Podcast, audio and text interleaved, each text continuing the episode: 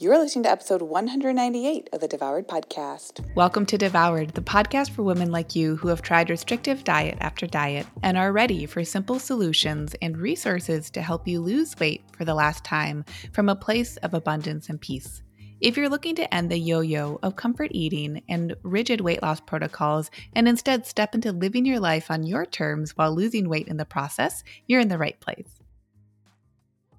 Hey, party people, welcome to the show. I hope you have been doing so well. I hope this podcast episode is finding you well. And do you know what we're talking about today? We're talking about a committee, a panel, if you will, that lives within you. It's already part of you. It is your committee, and specifically your joy committee. It's like that panel of advisors that lives in your head rent free that you might not even know is here and willing and able to serve you and help you live your best life. I think about the different TV shows I've watched where small businesses are trying to get up and running, get themselves going, and like it's just been like different random shows across the years and i've noticed that very often a resource that many small businesses have no idea about i personally had no idea of when i was starting my small business years ago was the like support that you could get from whatever city you're living in like your small business association that has resources and you like often has like you know, different advisors to help you, has spaces, has like free offices and areas for you to go, to work, to ask questions, to learn, like boots on the ground. There are people ready and willing to help you.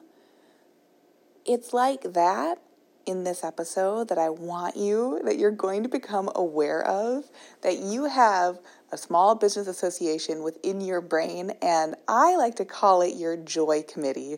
Give them the name that makes the most sense for you.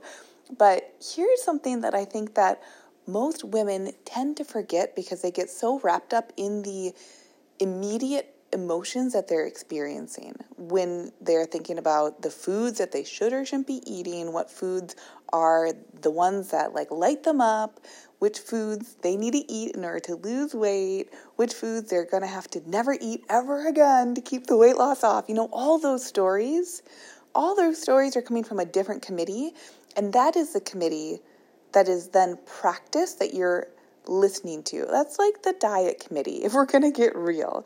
So we have a very strong flex, many of us, that we immediately listen to the stories from the diet committee. And, you know, if you've been around here long enough, you know that the diet committee is fine, it's neutral. But it's our emotional reaction to those diet thoughts that becomes habituated. And in that way, then we personalize information that the diet committee might be telling us. What is the information that the diet committee is telling us? Those general stories from diet culture that you hear time and time again that your worth is based on your weight, that how you eat has any reflection about who you are, that your goals and desires have been predetermined by society and culture, and that you have to spend your life, your days, day in, day out, doggedly trying to chase this image of perfection, of being better, and usually of being thinner and slimmer, and that somehow that makes you more worthy, not only when you are to potentially obtain that and maintain it, but also that that you have to be pursuing that in order to be good and worthy. You know what I mean? Like those are the old dieting messages. And so this week I want you to be thinking about how those messages, they're coming from your diet committee and that committee is very different than your joy committee. And so when you're in this process of self reclamation, of liberating yourself from diet culture, from the stories of the diet committee, which, listen, their agenda is to serve you more diets. That's literally it. That's when I say it's neutral, that's what I mean. Like the diets are just going to diet. Okay, great. It's your job to create the self awareness of, oh, if diets are just going to diet, and it's not actually me, it's not actually personal. Well, now I'm developing some awareness. What is it what is it that I want to do? How is it that I want to feel? Where is it that I want to go? What is it that I want to think? Those are the potent thoughts that can come from your joy committee. Because your joy committee right now, if you've been wrapped up in diet culture in any like shape or form, your joy committee is usually just a bit quieter. It might be a little harder to hear. It might feel like the joy committees in that building downtown that you had no idea about because you've been stuck with the diet committee that is like at your dining room table every single meal, day in, day out. So, this process of reclamation, like what we do in Lean and Liberated, this this visual to me is so funny, but I must be a very visual person because I, I think it is helpful to like speak in little um, uh, comparisons or similes or whatever they're going to be called. But I think about the process of lean and liberated, of like you deciding to jump in your car, drive down, because you know that the Small Business Association and that panel is somewhere downtown. You know where it is, you've Googled their address, and you might not know what it's like to walk into that office the very first time, but you know that they're there to support you. That feeling of apprehension, of excitement, curiosity, of nerves, that is the same feeling as recognizing that joy is there for you and waiting for you. And that you don't drive to the Joy Business Association, the committee that has all the joy. You don't drive there by staying at the dining room table with the diet committee. You know what I mean? it takes deciding, oh, it's fine to be at the dining room. It's fine that I've been there for however many years and decades. That has brought me to this one point. I am so thankful. And now that I am here, I'm going to stand up, get my shoes on, grab my car keys, get into the car, and drive. Here's the beautiful thing when you make that choice, that's when you start to potentiate the curiosity within yourself that it is safe to pursue new and different feelings. And now the feeling of joy. Okay, now I'm like coming back from the visual of driving to the Small Business Association. We're coming back to like what it means in your life, okay? Connecting with your joy is going to feel new and different because it is not as practiced as committing to the diets the dieting thoughts, the dieting feelings. But I want you to honor this week that there have been so many times that you have felt joy before. The only thing that's different now is that you're deciding intentionally to pursue it. And if you listen to my episode a couple weeks ago about taking ownership, it is the same idea. We can feel such a lack of ownership over our choices, over the decisions that we make. But that doesn't mean that we haven't ever experienced what it has felt like to feel ownership. It just usually means that it's been so natural in other areas of our life, right? The ownership you feel over your hand, over a ring, over a certain blanket, or some sort of token or special journal that you know is 100% yours. How do you know it? Oh, it's a feeling. Was it even intentional? Maybe not really. Maybe it was a ritual or a rite of passage, right? A special ring given to you by someone or what, or something you bought for yourself. But that feeling of ownership you tapped into naturally. You just never second guessed it because it was right there. you took it for what it was worth. All that we do here in this process of weight loss that is not the dieting, that honors the truth of foods, that honors the foods that you value, that honors how you want to move your body in your life, that values how you decide you want to and are going to and do feel, that comes from practicing listening and trusting your joy committee. And that joy committee, my friend, is right there waiting for you. It's a small business association. They're not going to knock down your door. They might not even know that you're there. Maybe they send a flyer every once in a while, but it takes you actively getting up and saying, All right, I'm going to pursue my joy. Now, you might now be asking, Okay, Lucia, how do I do that? I want you to get so simple with it. How you pursue your joy is that you put your attention on what brings you joy. You only need to start as small or as big as whatever lights you up. And there's an active participation with that.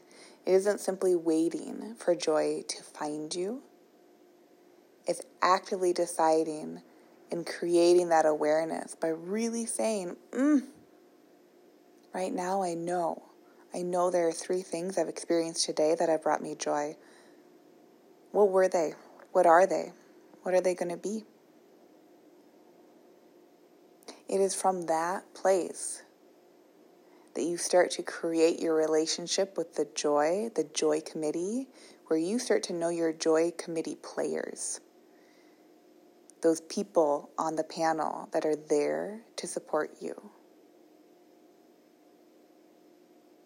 Sometimes joy will come from these smallest acts.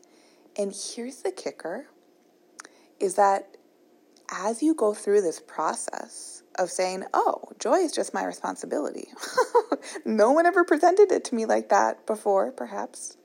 But joy is my responsibility. You'll start to see that joy is actively participated in. And it isn't going to be the saccharine, you know, I think sometimes when subjects like this are placed on people who aren't ready to hear the subject, it might feel really triggering. And it might feel like, well, how dare you say that I can just generate my joy? Wouldn't I just be happy already if I were to do that? It is about the consistency. And it like when you really boil down what consistency is, what it comes from, to me, I think consistency comes from awareness. It's that awareness of joy, of tuning back in, of coming back into the present moment where you can say, oh my gosh, when I open up a can of LaCroix, I experience that joy of drinking that water, of tending to my needs, the excitement of the bubbles as I'm gulping down that first deliciously cold sip. The joy might also be on the hard days. You know, I'm someone who has some chronic pain here and there, and there I'm not perfect at all. but I've noticed over the years as this pain, as it is chronic, I've noticed over the years okay, there are days where I do wake up with more pain, and there are days that I wake up with less pain. And I can be with the joy on both sides. It doesn't make the pain better necessarily, and it doesn't make the time away from the pain better either. But it fosters my awareness. I think it might sound very odd to say that's on a podcast about weight loss.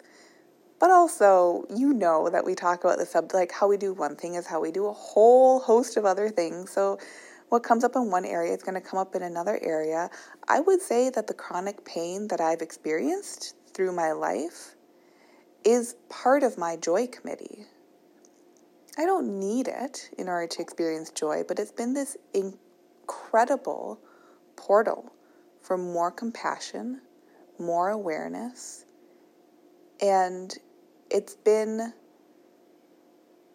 it's like someone who likes to get into a healthy debate. It's like when I allow myself to be present with the chronic pain when it's there and also when it's away, but especially when it's there, all it is is a signal back into the present. Because with chronic pain, where does your mind want to go? It wants to go into the future. Oh my God, like, is it going to get worse in, in the future? It, like, like, I hope I don't feel pain, like, during this certain day or event, or like, oh, what if it, like, means that I have to cancel plans and what, what will people think? Or pushes you into the past. Oh man, it didn't used to be this way, or gosh, maybe it used to be worse. Is it better now, right? All of that moves you away from the present moment. So, this is my loving reminder to you as a human who is very human, to another human who is also very human, that the the players on your joy committee, they may not be the players that you might assume at first glance, and that's okay.